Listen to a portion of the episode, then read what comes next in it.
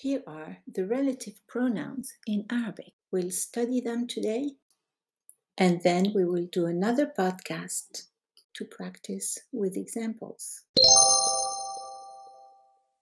الذي singular masculine التي singular feminine اللذان or اللذين dual masculine اللتان or اللتين dual feminine الذين plural masculine اللواتي or اللاتي or اللائي plural feminine Check out my YouTube channel and my books on Amazon.